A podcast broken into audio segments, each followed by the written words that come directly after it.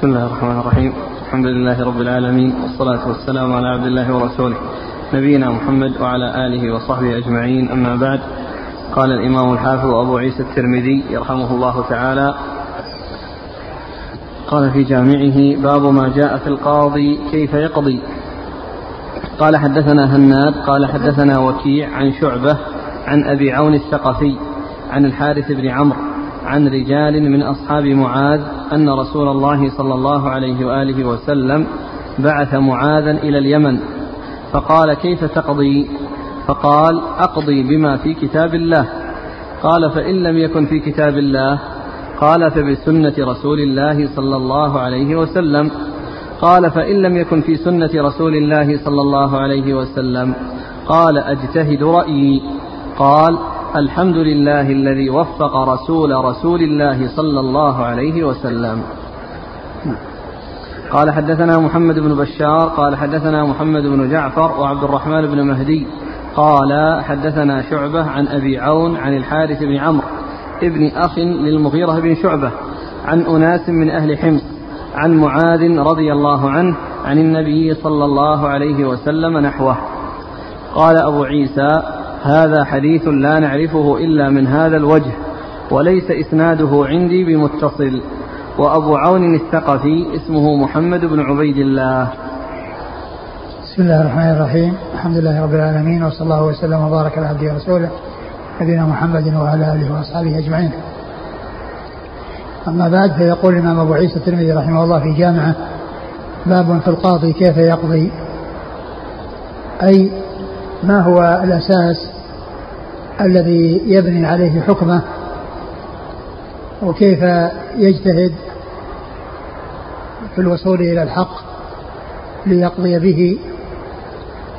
أورد أبو عيسى حديث معاذ بن جبل رضي الله عنه عن النبي صلى الله عليه وسلم أنه سأله لما بعثه إلى اليمن قال بما تقضي؟ قال أقضي بكتاب الله. قال فلم تجد في كتاب الله؟ قال أقضي بسنة رسول الله صلى الله عليه وسلم. قال فإن لم تجد قال أجتهد رأيي فقال عليه الصلاة والسلام الحمد لله الذي وفق رسول رسول الله وفي بعض الروايات عند غير الترمذي لما يرضي رسول الله صلى الله عليه وسلم. هذا الذي جاء في هذا الحديث من ذكر الحكم بكتاب الله ثم بسنة رسول الله ثم حيث لا يجد في الكتاب والسنة يجتهد فيقيس ما لم يذكر على ما ذكر و وسواء كان وجد نصا خاصا في الكتاب والسنة أو وجد عمومات يندرج تحتها تلك القضية التي عرضت للقاضي أو بإلحاق نظير بنظير وشبيه بشبيه. هذه الطريقة التي تتبع والحديث في إسناده الحارث بن عمرو وهو مجهول والذين رووا عن معاذ مبهمين مبهمون وغير معروفين ومعناه صحيح ومستقيم. وقد عول عليه العلماء وقد جاء في سنن النسائي أثران صحيحان. عن عمر وعن ابن مسعود. هما بمعنى هذا الحديث. وفيهما هذين الأثرين أن أنه يحكم بكتاب الله وإن لم يجد فبسنة رسول الله وإن لم يجد وإن لم يكن فبما يتفق عليه أهل العلم وإن لم يجد فإنه يجتهد. فإنه يجتهد فهذا الذي جاء في هذا الحديث موجود في هذين الأثرين الصحيحين عن عمر وابن مسعود رضي الله تعالى عنهما وقد ذكره النسائي في كتاب القضاء باب القضاء باب القضاء باب القضاء باتفاق أهل العلم. باب القضاء باتفاق أهل العلم فإنه ذكر تحت هذا الباب هذين الأثرين الصحيحين عن عمر وابن مسعود رضي الله عنهما وهما بمعنى هذا الحديث إلا أن فيه زيادة اتفاق أهل العلم وأنه حيث يوجد اتفاق فإنه يعول ويحكم بما حصل عليه الاتفاق. وبعض أهل العلم حسن هذا الحديث مثل ابن كثير في تفسيره ومثل الشوكاني فإنه حسنه في بعض كتبه. و وفي إسناده وابن القيم كذلك ذكر آه، عمل العلماء به في كتابه إعلام الموقعين. وهو من حيث الإسناد غير ثابت ولكن معناه صحيح. والأثران اللذان جاء عن عمر وابن مسعود يدلان على ما دل عليه هذا الحديث. نعم. قال حدثنا هناد. هناد بن السري أبو السري ثقة أخرجه البخاري في خلق أفعال العباد ومسلم وأصحاب السنة. عن وكيع. وكيع بن الجراح الرؤاسي الكوفي ثقة أخرجه أصحاب كتب الستة. عن شعبة. عن شعبة بن الحجاج الواسطي وهو ثقة أخرجه أصحاب كتب الستة. عن أبي عون الثقفي. عن أبي عون الثقفي وهو محمد بن عبيد الله وهو ثقة. أخرج أصحاب الكتب إلا ابن ماجه. أخرج أصحاب الكتب الستة إلا ابن ماجه. عن الحارث بن عمرو. الحارث بن عمرو وهو مجهول.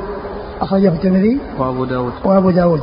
عن رجال من أصحاب معاذ. نعم.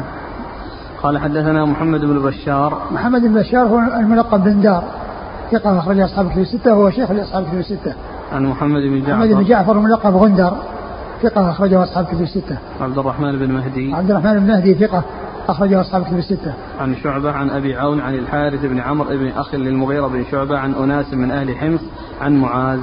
وهذا يعني أنه أنه مرفوع ولكن فيه الحارث بن عمرو وفيه هؤلاء المبهمين وأما في الإسناد الأول فإنه مرسل لأن هؤلاء الذين هم من أصحاب معاذ آه، يقولون أن أن أن الرسول صلى الله عليه وسلم فهو مرسل. نعم.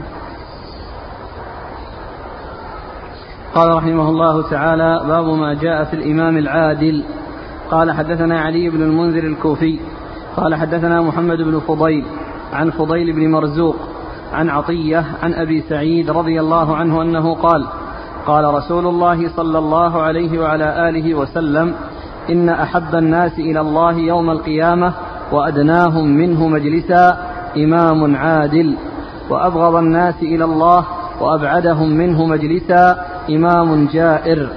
قال في الباب عن عبد الله بن أبي أوفى رضي الله عنه قال أبو عيسى حديث أبي سعيد حديث حسن غريب لا نعرفه إلا من هذا الوجه. ثم ورد أبو عيسى باب في الإمام العادل. نعم. في الإمام العادل أي في فضله وعظيم أجره. وقد أورد أبو عيسى في هذا حديثا في إسناده عطية العوفي وهو متكلم فيه في ضعف. ولكنه جاء في الإمام العادل أحاديث منها الحديث الصحيح في السبعة الذين يظلهم الله في ظله يوم لا ظل إلا ظله وأولهم إمام عادل. وأولهم أول هؤلاء السبعة الذين ذكروا الحديث الإمام العادل. وأورد أبو عيسى حديث أبي سعيد الخدري رضي الله عنه أن النبي صلى الله عليه وسلم قال إن إن من أحب الناس إلى الله عز وجل وأقربهم منه منزلة إمام عادل وأن من وأن وإن وأبغض الناس إلى وأبغض الله الناس إلى الله وأبعدهم منه منزلة الإمام الجائر أي الذي يحصل منه الجور ولا يحصل منه العدل. والحديث في إسناده عطية ابن سعد العوفي وهو متكلم فيه ولكن الفضل للإمام العادل ثابت في أحاديث أخرى منها الحديث الذي أشرت إليه. نعم. قال حدثنا علي بن المنذر الكوفي. علي بن المنذر الكوفي هو صدوق أخرجه الترمذي والنسائي بن ماجه. صدوق أخرجه الترمذي والنسائي بن ماجه. عن محمد بن فضيل. محمد بن فضيل بن غزوان. صدوق أخرجه أصحاب أصحاب الكتب الستة. عن فضيل بن مرزوق. عن فضيل بن مرزوق هو ثقة أخرج أصحاب الكتب. ثقة أخرج أصحاب الكتب الستة. عن عطية. عن عطية بن سعد العوفي وهو صدوق يخطئ كثيرا. يخطئ كثيرا أخرج له البخاري في المفرد وأبو داود والترمذي وابن ماجه. البخاري في المفرد وأبو داود والترمذي وابن ماجه. عن أبي سعيد. عن أبي سعيد الخدري سعد بن مالك بن سنان رضي الله عنه وهو من السبعة المكثرين من حديث رسول الله صلى الله عليه وسلم. قال وفي الباب عن عبد الله بن أبي أوفى. عبد الله بن أبي أبو بن أبي أوفى أخرجه أصحاب كتب الستة. قال حدثنا عبد القدوس بن محمد أبو بكر العطار. قال حدثنا عمرو بن عاصم. قال حدثنا عمران القطان عن أبي إسحاق الشيباني عن عبد الله بن أبي أوفى رضي الله عنه أنه قال قال رسول الله صلى الله عليه وآله وسلم إن الله مع القاضي ما لم يجر فإذا جار تخلى عنه ولزمه الشيطان. قال أبو عيسى هذا حديث حسن غريب لا نعرفه إلا من حديث عمران القطان. ثم ورد أبو عيسى هذا الحديث عن عبد الله بن أبي أوفى. عن عبد الله بن أبي أوفى رضي الله تعالى عنه أن النبي صلى الله عليه وسلم قال إن الله مع القاضي إذا لم يجر فإذا جار تخلى عنه وكان ولزمه الشيطان, ولزمه الشيطان. إن الله مع القاضي يعني إذا عدل ولم يجر. وهذه المعية معية تسديد وتوفيق. و و وهذه المعية في حال كونه عادلا غير جائر. فإذا جار فإن الله تعالى يتخلى عنه ويلزمه الشيطان فيحصل له ما يحصل من الضرر ومن استحقاق العقوبة والعذاب من الله عز وجل على جوره وعدم عدله. نعم. قال حدثنا عبد القدوس بن محمد أبو بكر العطار. عبد القدوس بن محمد أبو بكر العطار هو ثقة أخرج له صدوق البخاري والترمذي والنسائي بن صدوق البخاري والترمذي. والترمذي والنسائي وابن ماجه. وابن ماجه. عن عمرو بن عاصم عن عمرو بن عاصم هو صدوق في حفظه شيء. صدوق في حفظه شيء أخرج له أصحاب الكتب. أصحاب الكتب الستة نعم. عن عمران القطان. عن عمران القطان وهو عمران بن داور وهو صدوق يهم صدوق يهم أخرج له البخاري تعليقا وأصحاب السنن البخاري تعليقا وأصحاب السنن عن أبي إسحاق الشيباني. عن أبي إسحاق الشيباني هو سليمان بن أبي سليمان وهو ثقة أخرجه أصحاب أصحاب الكتب الستة. عن عبد الله بن أبي أوفى. عبد الله بن أبي أوفى رضي الله عنه أخرج حديثه أصحاب الكتب الستة.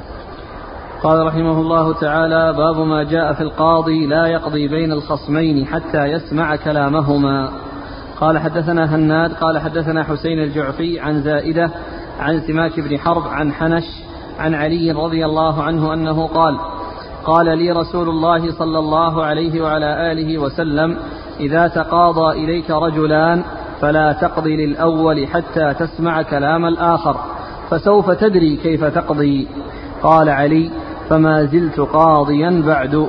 قال أبو عيسى هذا حديث حسن.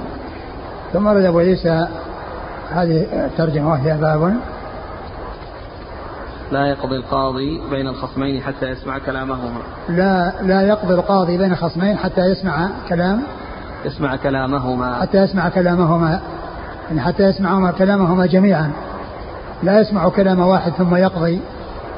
وإنما القضاء يكون بعد سماع كلام الخصمين. وقد قال النبي صلى الله عليه وسلم لو يعطى الناس بدعواهم لادعى رجال أقوال, أقوال, أقوال أموال قوم ودماءهم لكن بين على المدعي واليمين على المدعى عليه. ومعنى هذا أن أنه لو أخذ بكلام المدعي وقضي على المدعى عليه لكان ذلك مبنيا على مجرد الدعوى ولا يكفي ذلك بل لابد من سماع جواب المدعى عليه عن هذه الدعوى وموافقته عليها فيلزم الحق له أو عدم موافقته فيحتاج إلى آه، آه، أن يطعن أن يطعن بالشهود الذين يشهدون إذا كان يعني لا يعول على شهادتهم أو يمين المدعى عليه كما جاء ذلك عن رسول الله صلى الله عليه وسلم. ولا يحكم على غائب بمجرد أن خصمه هو الذي حكى القصة وذكر ما يتعلق بها فقد يكون عند الخصم الثاني آآ آآ ما يبطل هذه الدعوة وقد يوافقه على ما ادعاه. فيحكم للمدعى عليه للمدعي بإقرار وبموافقة المدعى عليه. نعم. قال حدثنا هناد عن حسين الجعفي. آه هناد مر ذكره حسين بن علي الجعفي ثقة أخرجه أصحاب الكتب الستة. عن زائدة. عن زائدة بن قدامة ثقة أخرجه أصحاب الكتب الستة. عن سماك بن حرب. سماك بن حرب صدوق أخرجه البخاري تعليقا ومسلم وأصحاب السنة. عن حنش. عن حنش بن المعتمر وهو صدوق له أوهام. صدوق له أوهام أخرج له أبو داود والترمذي والنسائي. أبو داود والترمذي والنسائي. عن علي. عن علي رضي الله عنه أمير المؤمنين ورابع الخلفاء الراشدين الهادين المهديين صاحب المناقب الجمة والفضائل الكثيرة وحديثه عند أصحاب الكتب الستة.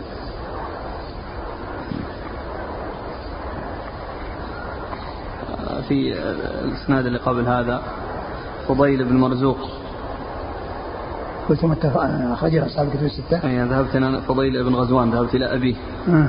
هو فضيل بن مرزوق صدوق يهم أخرجه البخاري في رفع اليدين ومسلم وأصحاب السنن آه. آه. يعني فضيل فضيل بن مرزوق آه، صدوق يهم أخرجه البخاري في رفع اليدين وأصحاب السنن ومسلم البخاري في رفع اليدين ومسلم وأصحاب السنن وهذا غير فضيل بن غزوان الذي هو والد محمد بن فضيل. نعم. قال رحمه الله تعالى باب ما جاء في إمام الرعية. قال حدثنا أحمد بن منيع وكان قال وكان من من الكلام الذي يذكر يعني في مثل مناسبة هذا الحديث أن أنه قال إذا جاءك خصم قد فقعت عينه فلا تبني على كلامه فقد يكون خصمه قد فقعت عيناه. جميعا. نعم. قال حدثنا أحمد بن مني قال حدثنا إسماعيل بن إبراهيم قال حدثني علي بن الحكم قال حدثني أبو الحسن قال قال عمرو بن مرة رضي الله عنه لمعاوية رضي الله عنه. إني سمعت رسول الله صلى الله عليه وآله وسلم يقول ما من إمام يغلق بابه دون ذوي الحاجة والخلة والمسكنة إلا أغلق الله أبواب السماء دون خلته وحاجته ومسكنته. فجعل معاوية رضي الله عنه رجلا على حوائج الناس. قال وفي الباب عن ابن عمر رضي الله عنهما. قال أبو عيسى حديث عمرو بن مرة حديث غريب وقد روي هذا الحديث من غير هذا الوجه وعمرو بن مرة الجهني يكنى أبا مريم.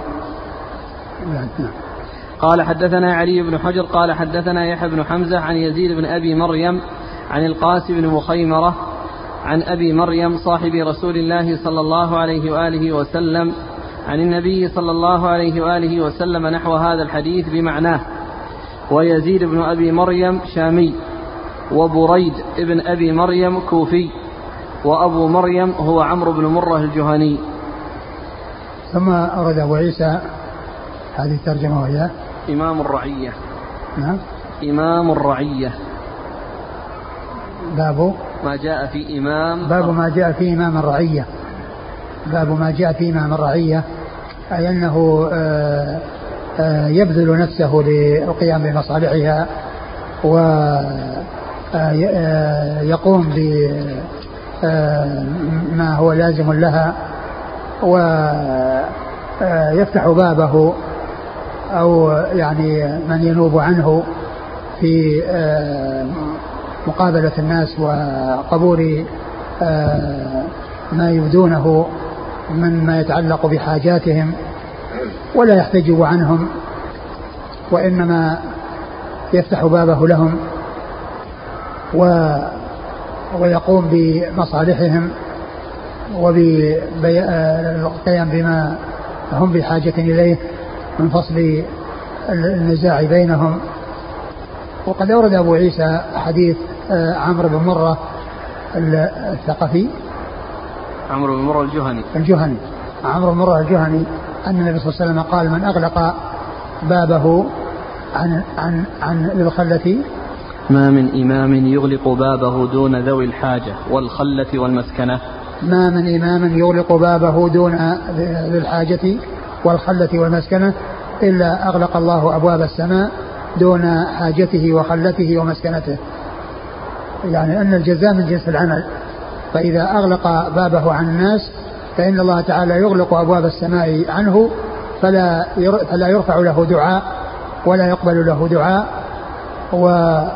وهذا يدل على على وجوب آه، قيام الإمام بمصالح الناس وقد جاء عن بعض العلماء وهو المعمر بن علي البغدادي وقد ذكره الحافظ بن رجب في ذيل طبقات الحنابلة ذكر في ترجمته أنه نصح زعيما كبيرا من الزعماء وقال له إن آه، من تولى أمر المسلمين من لم يكن في ولاية فإنه مخير. إن شاء وصل وإن شاء فصل. يعني إن شاء فتح بابه وإن شاء أغلقه. وأما من كان في ولاية فليس له الخيار في ذلك لأن من كان على الخليقة أمير فهو في الحقيقة أجير. قد باع زمنه وأكل ثمنه. فليس له في نهاره ما يتصرف فيه باختياره. وليس له أن يصلي نفلا ولا أن يدخل معتكفا لأن هذا سنة والقيام بما هو مطلوب منه فرض فلا يشتغل بالنفل عن الفرض.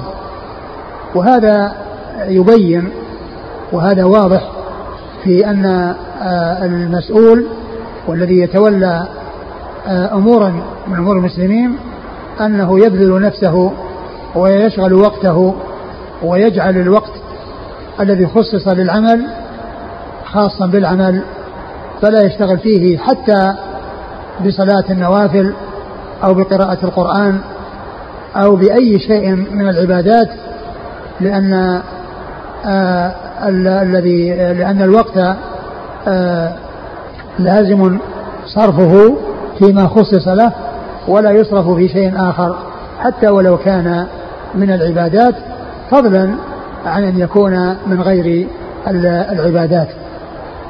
نعم. قال حدثنا أحمد بن منيع. أحمد بن منيع ثقة أخرجه أصحاب كتب الستة. عن إسماعيل بن إبراهيم. وهو بن علية ثقة أخرجه أصحاب كتب الستة. عن علي بن الحكم. عن علي بن الحكم وهو ثقة أخرج البخاري وأصحاب السنن. ثقة أخرجه البخاري وأصحاب السنن. عن أبي الحسن. عن أبي الحسن الجزري وهو مجهول. أخرجه أبو داود الترمذي. أخرج له أبو داود والترمذي عن عمرو بن مرة. عن عمرو بن مرة وهو صحابي أخرج له. الترمذي. أخرجه الترمذي. قال وفي الباب عن ابن عمر. ابن عمر عبد الله بن عمر رضي الله تعالى عنهما أحد العبادلة وأحد السبع المكثرين من حديث رسول الله صلى الله عليه وسلم. نعم. والحديث جاء بإسناد آخر. يعني بي بي بي لم يسق الترمذي لفظه وإنما قال إنه بمعناه. وفيه آه، ما يجبر النقص الذي حصل في الإسناد الأول الذي هو آه، الرجل المجهول. نعم. قال حدثنا علي بن حجر. علي؟ بن حجر. علي بن حجر ثقة أخرجه البخاري ومسلم والترمذي والنسائي. عن يحيى بن حمزة. عن يحيى بن حمزة هو ثقة أخرج أصحاب الكتب. ثقة أخرج أصحاب الكتب الستة. عن يزيد بن أبي مريم. يزيد بن أبي مريم هو لا بأس به. لا بأس به أخرج له البخاري وأصحاب السنن. أخرجه البخاري وأصحاب السنن. عن القاسم بن مخيمرة. عن القاسم بن مخيمرة وهو ثقة أخرج له. البخاري تعليقا ومسلم وأصحاب السنن. البخاري تعليقا ومسلم وأصحاب السنن. عن أبي مريم عن أبي مريم وهو عمرو بن مرة الذي مر في الإسناد السابق. آه نعم قال ويزيد بن أبي مريم شامي وبريد بن أبي مريم كوفي وأبو مريم هو عمرو بن مرة الجهني. لما كان جاء في الإسناد يزيد بن أبي مريم ذكر الترمذي رحمه الله من يشبهه في رسم الاسم وهو بريد لأن رسم يزيد وبريد متقارب يعني من ناحية الرسم واحد إلا أن فيه آه، اختلاف في في الشكل وفي النقد لأنها لأن في النقد آه، بريد يعني فيه باء وهذا فيه يزيد فيه ياء وهذا وهذا يعني آه، بالشكل كذلك لأن هذا يزيد بفتح الياء وهذا بريد بضم الباء. فالرسم واحد وهذا اللي يسمونه المؤتلف والمختلف. يسمى في علم المصطلح المؤتلف والمختلف بأن يتفق الرسم والشكل ويختلف النطق. ويختلف النطق. نعم. بريد بن أبي مريم في التقريب. كاتب بصري. بصري؟ وش قال فيه؟ فقط. وهنا قال به كوفي. كوفي قال؟ وهنا قال بصري؟ نعم. إيه. ما أدري هل يكون عليه هذا غلط أو أنه له نسبتين؟ نعم.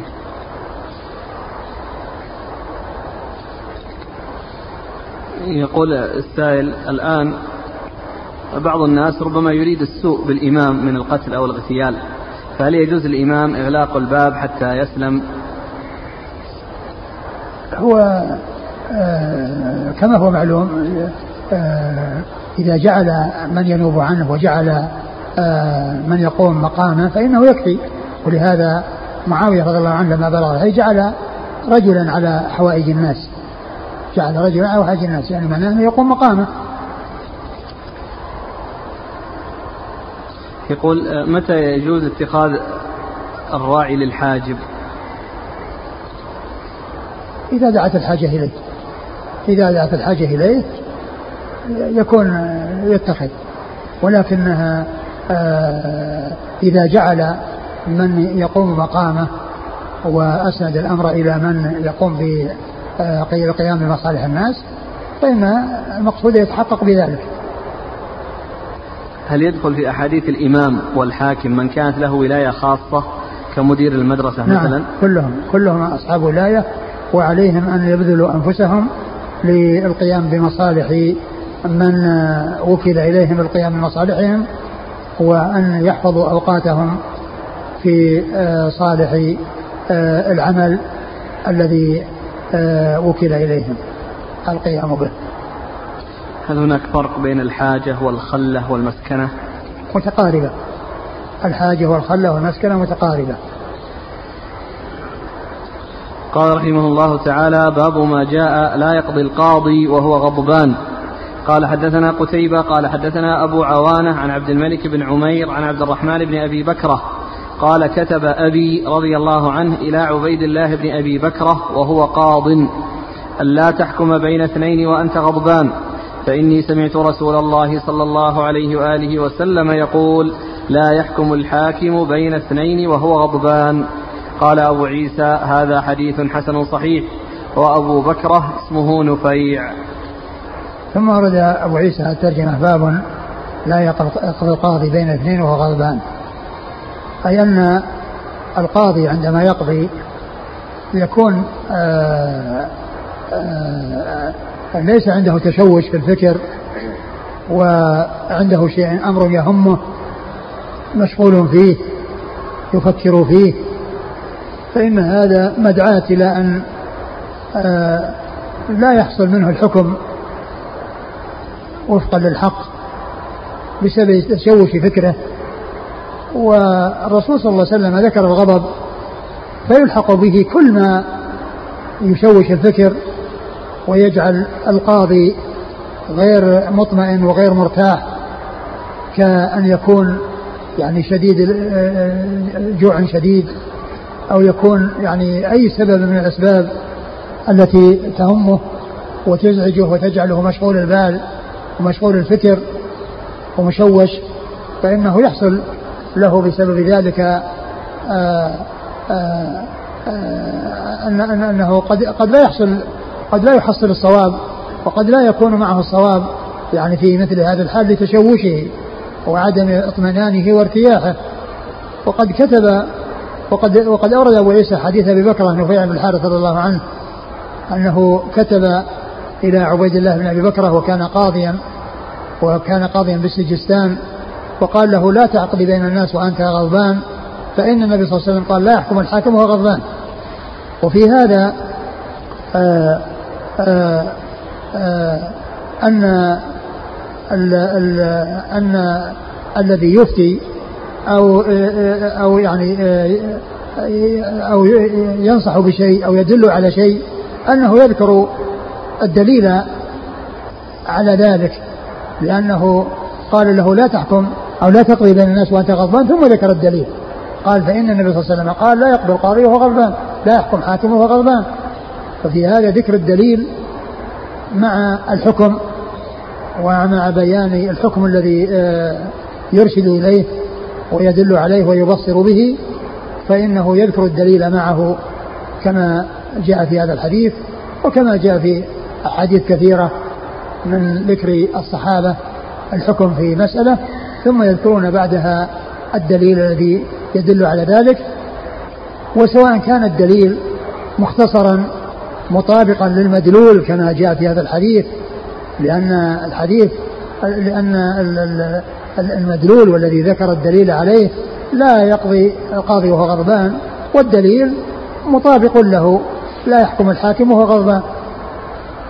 أو كان أوسع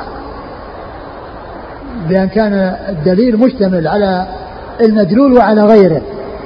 وهذا مثل أول حديث في صحيح مسلم وحديث جبريل. فإن عبد الله بن عمر رضي الله عنه لما سئل عن القدرية الذين ظهروا في العراق وقال للسائل السائلين آه، أخبر آه، آه، إذا لقيتهم فأخبرهم أنهم براء مني وأني بريء منهم. ثم ذكر ثم ساق بي ثم قال حدثني عمر رضي الله تعالى عنه أن النبي صلى الله عليه وسلم قال معه جلوس عند رسول الله صلى الله عليه وسلم اطلع علينا وساق الحديث الطويل كله من أجل وأن تؤمن بالقدر خيره وشره كله من أجل جملة وأن تؤمن بالقدر خيره وشره.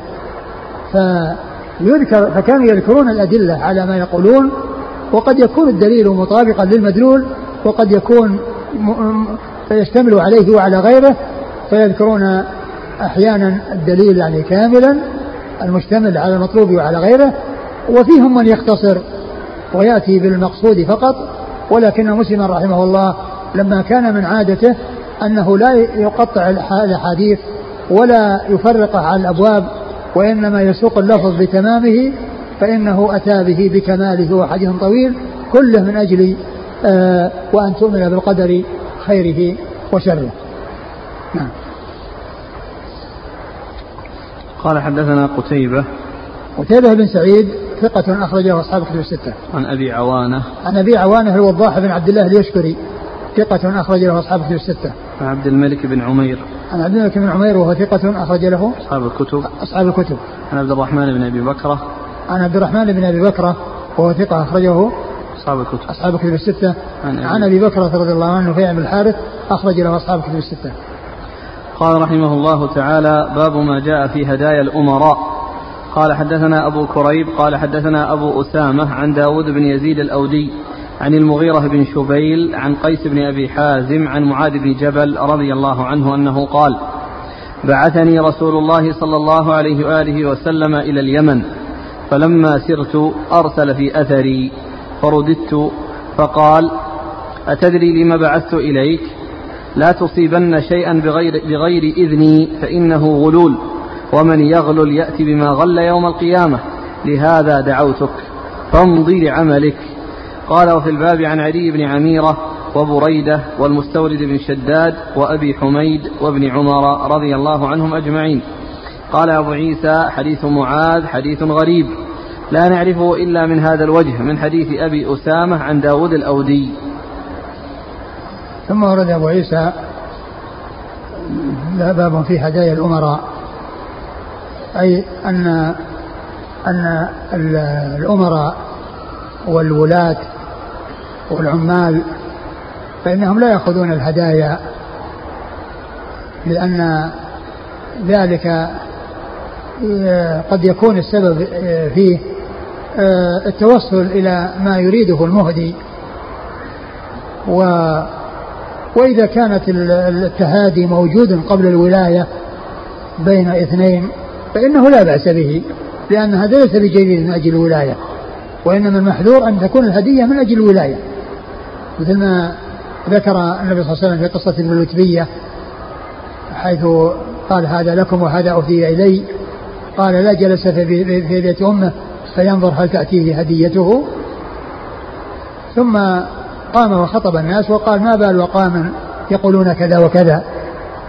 فبين عليه الصلاة والسلام أن الهدايا التي تكون للعمال من أجل عملهم ومن أجل وظائفهم فإنها غلول وأنه لا يجوز لأنها تكون من قبيل الرشوة قد تكون من قبيل الرشوة وأن أصحابها يريدون أن يتوصلوا إلى شيء بسببها. فإذا أغلق الباب ومنع امتنع من ذلك صار ذلك معلوما وصار ذلك معروفا عند الناس فلا يقدمون. وإذا أخذ شيئا من الهدايا فإنه يعرض نفسه لأن يقدح فيه. فإذا قضى على إنسان أو آه، أعطى إنسانا آه، وقد يكون هذا الذي أعطاه يستحقه فيقول خصمه إنه أهدى إليه كذا وأنه أعطاه كذا وأن هذا من أجل كذا. فيعرض نفسه لأن يتكلم في عرضه. وقد جاءت الأحاديث كثيرة في ذلك عن رسول الله صلى الله عليه وسلم تدل على منع آه، مثل هذه الهدايا وأنها غلول. قد جاء في بعض الأحاديث هدايا العمال غلول. وقد أورد أبو عيسى هذا الحديث وفي إسناده ضعف. ولكن المعنى الذي دل عليه جاء في أحاديث كثيرة ثابتة عن رسول الله صلى الله عليه وسلم. والرسول صلى الله عليه وسلم لما أرسل معاذ إلى اليمن ومشى يعني يعني قليلا طلب منه أن يرجع أو أرسل إليه بأن يرجع ولما رجع قال أتدري لما دعوتك؟ لا تصيبن شيئا بغير إذني. لا تصيبن شيئا بغير إذني. فإيش فإنه غلول. فإنه غلول ومن يغلل يأتي بما غل يوم القيامة. نعم. قال حدثنا أبو كريب أبو كريب محمد بن العلاء بن كريب ثقة أخرجه أصحاب كتب الستة. عن أبي أسامة. عن أبي أسامة حماد بن أسامة ثقة أخرجه أصحاب كتب الستة. عن داود بن يزيد الأيدي الأودي. داود بن يزيد الأودي ضعيف أخرج له. البخاري في المفرد والترمذي وابن ماجه. البخاري في المفرد والترمذي وابن ماجه. عن المغيرة بن شبيل. عن المغيرة بن شبيل وهو ثقة أخرجه أصحاب السنن. ثقة أخرجه أصحاب السنن. عن قيس بن أبي حازم. عن قيس بن أبي حازم وهو ثقة أخرج له أصحاب كتب الستة. عن معاذ بن جبل. نعم.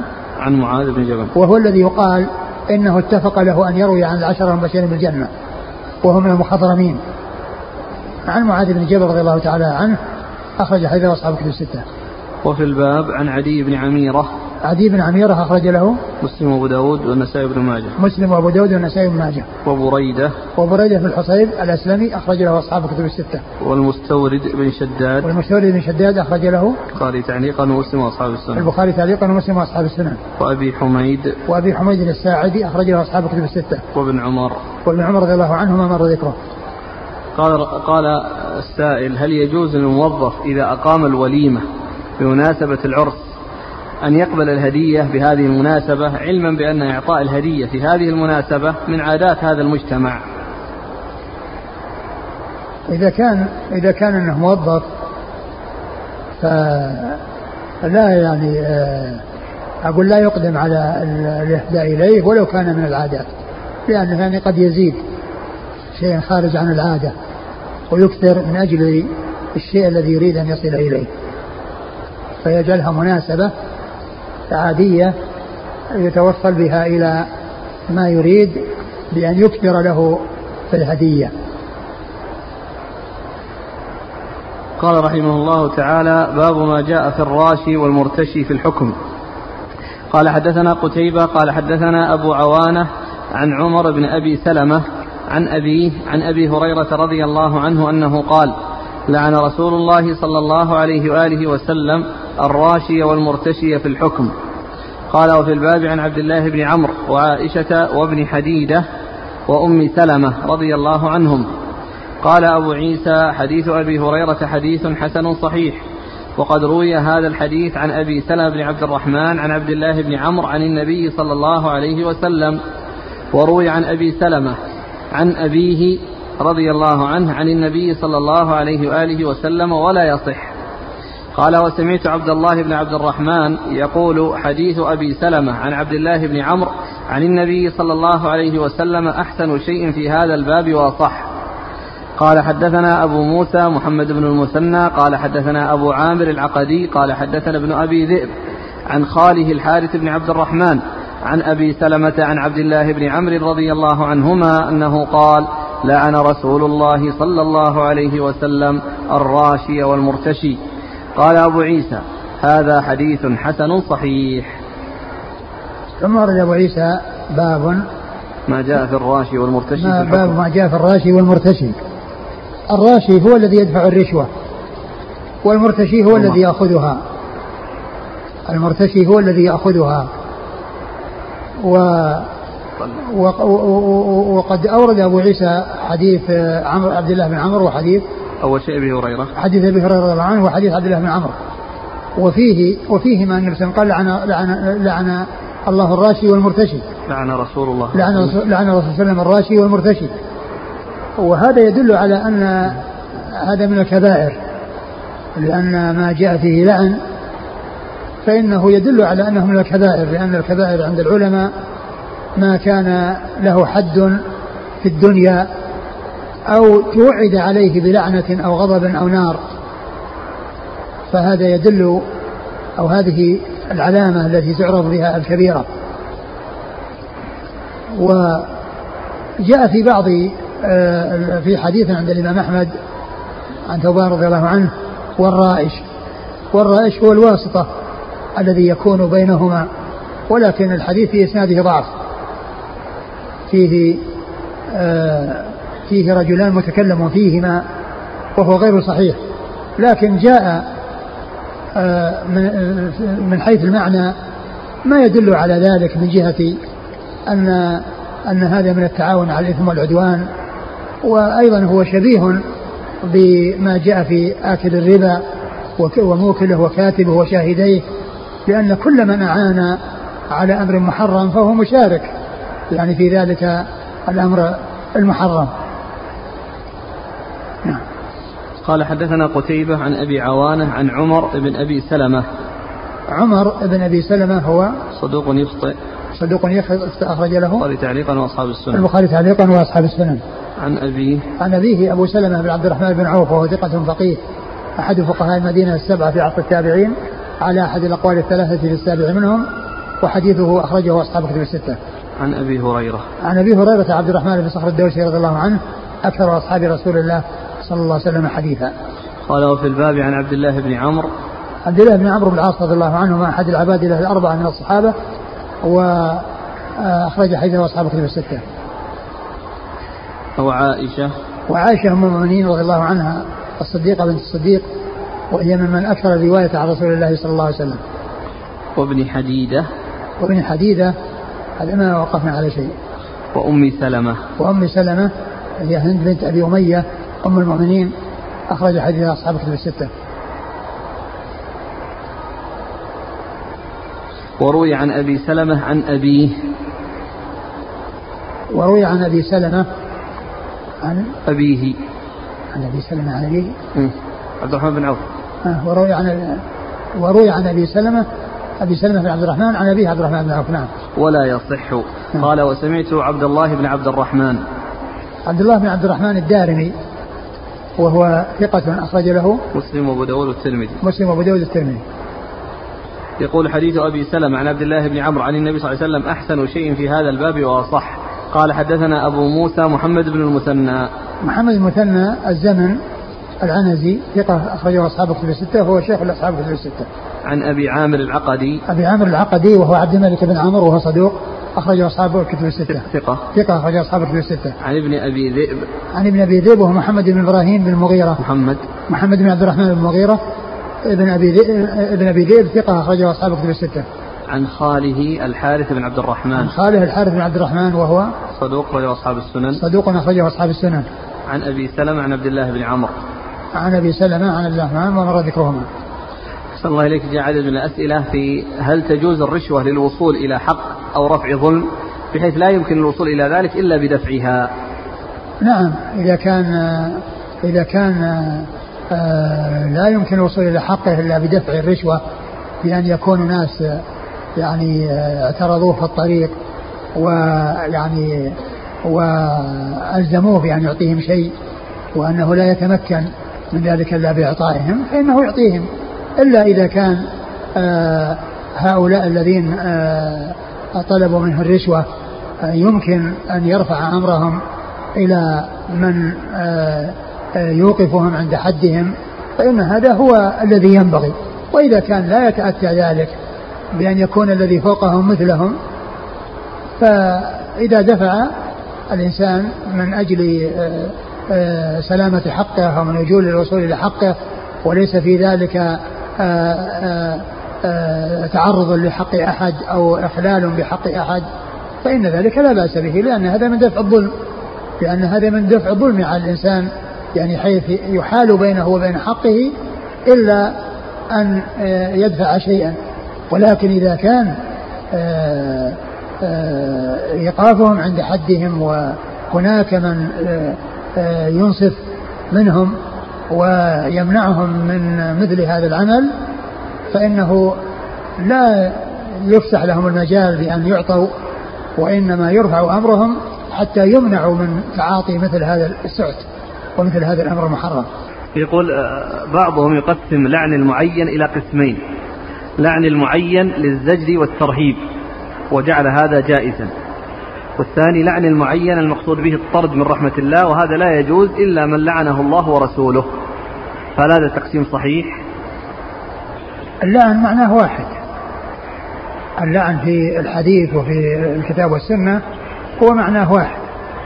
لا يقال ان إن اللعن يعني أقسام. والشيء الذي يحصل به اللعن هو كبيرة من الكبائر. ولا يفرق بين لعن ولعن بأن يكون هذا كبيرة وهذا ليس بكبيرة. بل كل ما جاء في ذكر اللعن فإنه من الكبائر. هل يجوز دفع شيئا دفع شيء من المال لأصحاب الجمارك من أجل إنقاص الضرائب الجمركية. لا ليس للإنسان ليس للإنسان أنه يعني آه، يدفع وإنما الشيء الذي آه، يطلب منه إذا كان هذا هو الذي عليه آه، يدفعه ولن يضيع حقه عند الله عز وجل. وأما كونه يعني يدفع يعني لهؤلاء فإن هذا يعني إعانة لهم وأيضا جعلهم يعني يستمرئون ذلك ويطلبون من الناس يعني مثل هذا الشيء وإنما عليهم أنهم يبتعدون عن العمل عن في هذا في فيها في هذا العمل يبحثون عن أعمال أخرى ليس فيها مثل هذا المحذور. نعم. قال رحمه الله تعالى باب ما جاء في قبول الهدية وإجابة الدعوة.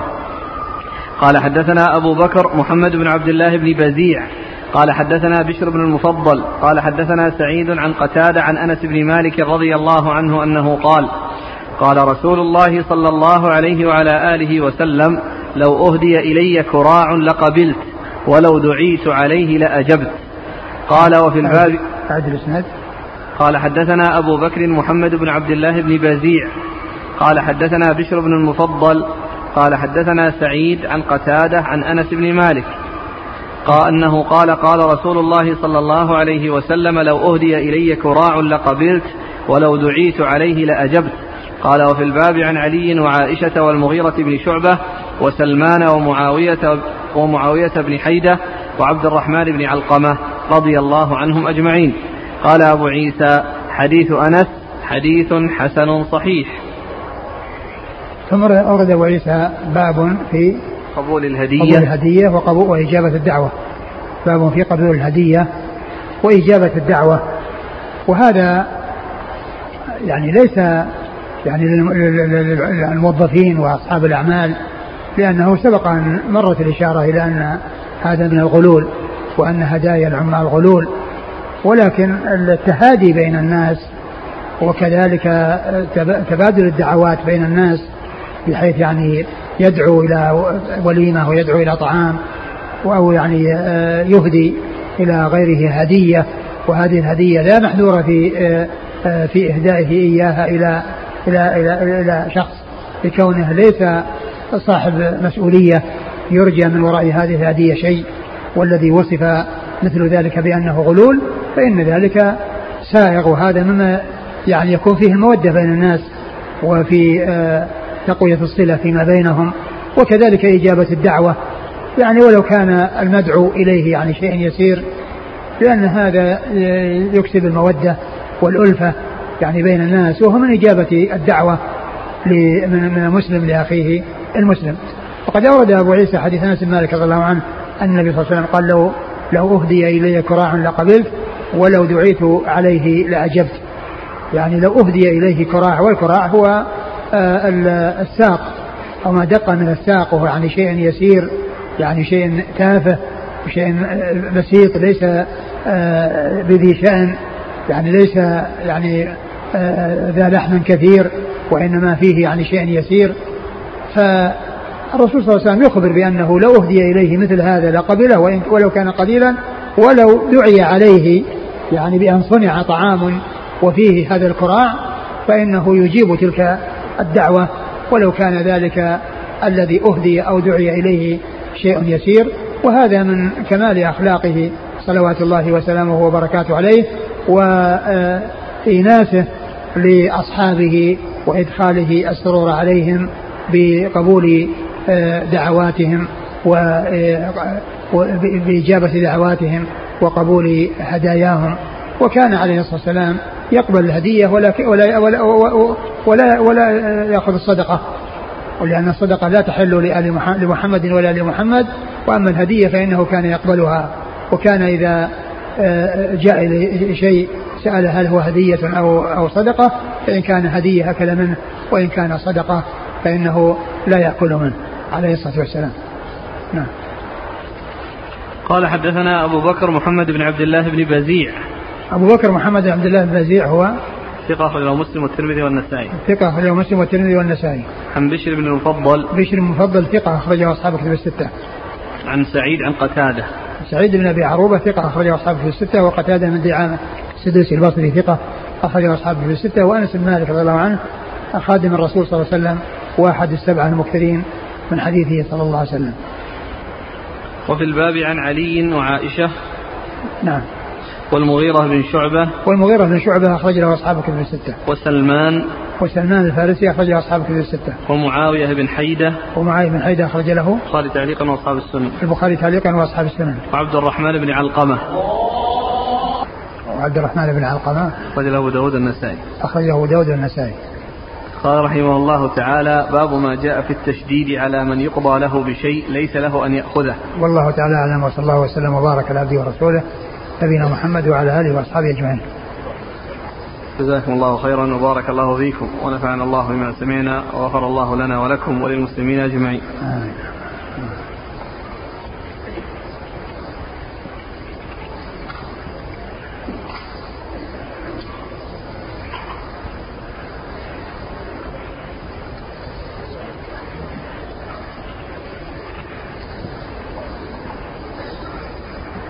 يقول السائل عندنا أناس يعينون من قبل المدرسة أو المؤسسة أو الجمعية لأجل جمع المال لها فيطوفون بالمحلات التجارية ويحصلون على هدايا من أصحاب المحلات.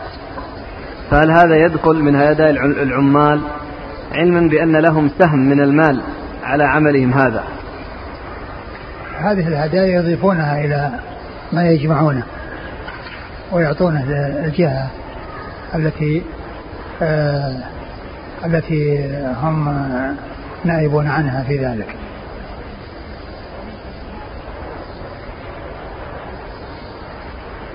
يقول ما حكم أخذ الراتب من الدولة التي كل مالها أو أكثره من من الجمارك والضرائب؟ آه آه ظاهر مثل هذا لا يكون صحيحا بحيث يعني يكون غالب المال كله من الجمارك يعني ما فيه دخول أخرى. يعني إذا كان الغالب يعني هو المال الطيب والمال الحلال فالأخذ في ذلك لا بأس به. وأما كون الأكثر كله حرام فهذا أولا من ناحية الجمارك يعني قد لا يعني يكون قد لا يكون واردا. أن المصادر كلها جمارك وأن ما عند الدولة وأن جميع نفقات الدولة وجميع الموظفين كل ذلك من من الجمارك. وإذا كان الأكثرية آه، كلها حرام وأن هذا فالإنسان آه، آه، يبحث عن عمل حر كالتجارة أو الزراعة أو ما إلى ذلك حتى يكون كسبه طيبا. أما إذا كان الحلال هو الغالب والحرام هو النادر فله أن يأخذ. يقول هل يعتبر من الضرورة شراء الإقامة بالرشوة لأجل الهجرة من بلاد الكفر؟ لا ما يجوز. متى يجوز رفع القضية في المحاكم الوضعية في بلاد أوروبا؟ مثلا مسألة تتعلق بالدار أو بالوظيفة. هل أرفع القضية لمحكمة وضع يحكم بها بالقانون الوضعي؟ الأمور التي مشتبهة ويعني يحكم فيها لهذا أو لهذا في أمور مشتبهة الإنسان لا يقدم على الترافع إلى القوانين الوضعية. وعليه أنه يجتهد في الصلح بينه وبين خصمه أو يبحثون عن شخص عنده قدرة في معرفة الأحكام الشرعية يحكمانه ويأخذان بما يحكم به. وإذا كان الدعوة حصلت من غيره وهو الذي دعي وقيمت عليه الدعوة وألزم بالذهاب يذهب ويتكلم بالحق الذي عنده. وأما كونه هو الذي يرفع الدعوة فلا يفعل. أما إذا كان الأمر واضحا ليس فيه إشكال مثل السيارة أخذت منه واعتدي عليه وأخذت منه ثم إنه طلب من المسؤولين تسليمها له لأن هذه ما لها علاقة بالخصومة والحكم لهذا أو لهذا لأن هذا من الأمور الواضحة فهذا له أن يرفع الأمر إلى المسؤولين ويطلب منهم أن آه، آه، يعطوه سيارته التي هي ملكه وعنده الإثبات الدال على ذلك وأن هذا معتدي وليس بيده ما يثبت ذلك فمثل هذا لا بأس به. يقول السائل إذا كان الرجل يظهر مذهب السلف في الأسماء والصفات والقدر وينصر مذهبهم في الصحابة وتوحيد العبادة إلا أنه يظهر مثالب الولاة وينشرها وينفر القلوب عنهم فهل مثل هذا يكون من أهل السنة؟ مع العلم بأنه قد نوصح في ذلك فلم ينتصح. هذا آه، إذا كان ما عنده إلا هذا فيعني آه، هذا عمل منكر وهذا مخالف لمذهب أهل السنة. وهو يعني هذا العمل يؤدي إلى الخروج يؤدي إلى الخروج على الولاة الذي به الفتن وبه سفك الدماء واختلال الأمن لأنه يترتب على على التهييج على الخروج الخروج. وكل ما يؤدي إلى المحرم لا يجوز آه، آه، التوصل إليه بأي وسيلة. ومن ذلك ذكر المثالب. والإنسان إذا كان عنده شيء يلاحظه فيتصل بالمسؤولين أو يكتب لهم ويبين برفق وليم كما هي الطريقة الشرعية. وأما كونه ينشر المثالب ويتكلم بما آه، يعني ينفر القلوب ويعني يفرق الجمع ويشتت الجمع فإن ذلك لا يجوز. وعليه أن يعامل الناس بمثل ما يحب أن يعاملوه به فإنه لا يحب أن تنشر عيوبه إذا كان له عيوب.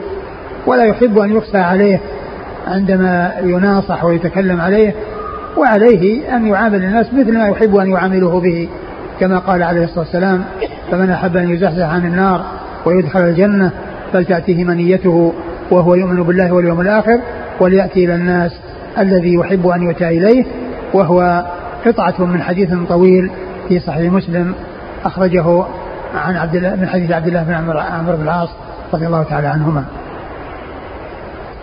آه هذه فائدة من كلام الشيخ محمد إبراهيم رحمه الله في نصيحة قاض. يقول له رحمه الله أوصيك بتقوى الله تعالى ومراقبته والأنات في قضائك والتثبت والسؤال عن المشكل والصلح مهما وجدت إليه سبيلا ما لم يتضح الحكم الشرعي. كما نذكر فضيلتكم أن البقاء في عملكم من التعاون وأداء الواجب وهو من الجهاد في سبيل الله. والذي نؤمله فيكم الصبر والاحتساب ولن يضيع الله أجر من أحسن عملا. رحمة الله عليه كلام سديد جيد. هذه فائدة أو خاتمة وصلت بالأمس بانتهاء كتاب البيوع وهو ما تسمى بلغة الأرقام. يقول الأخ تم كتاب البيوع من جامع الترمذي وبه ما يقارب من 116 حديثا وفيه 77 باب. الحديث الضعيفة منه 12 حديثا. وأول باب في كتاب البيوع باب ما جاء في ترك الشبهات. وآخر باب النهي عن البيع في المسجد. ابتدأ شيخنا حفظه الله شرحه المبارك لكتاب البيوع السبت العاشر من محرم 1426 وانتهى منه في السابع والعشرين من محرم 1426 عدد المجالس 13 مجلسا. يلي كتاب البيوع كتاب الأحكام وبه ما يقارب من 63 حديثا. و22 باب. الأحاديث الضعيفة فيه سبعة إلى نهاية كتاب البيوع يكون قد شرح شيخنا بارك الله فيه ومتع الله بالصحة متعه الله بالصحة والعافية ما يقارب من 1321 حديث من أحاديث جامع الترمذي.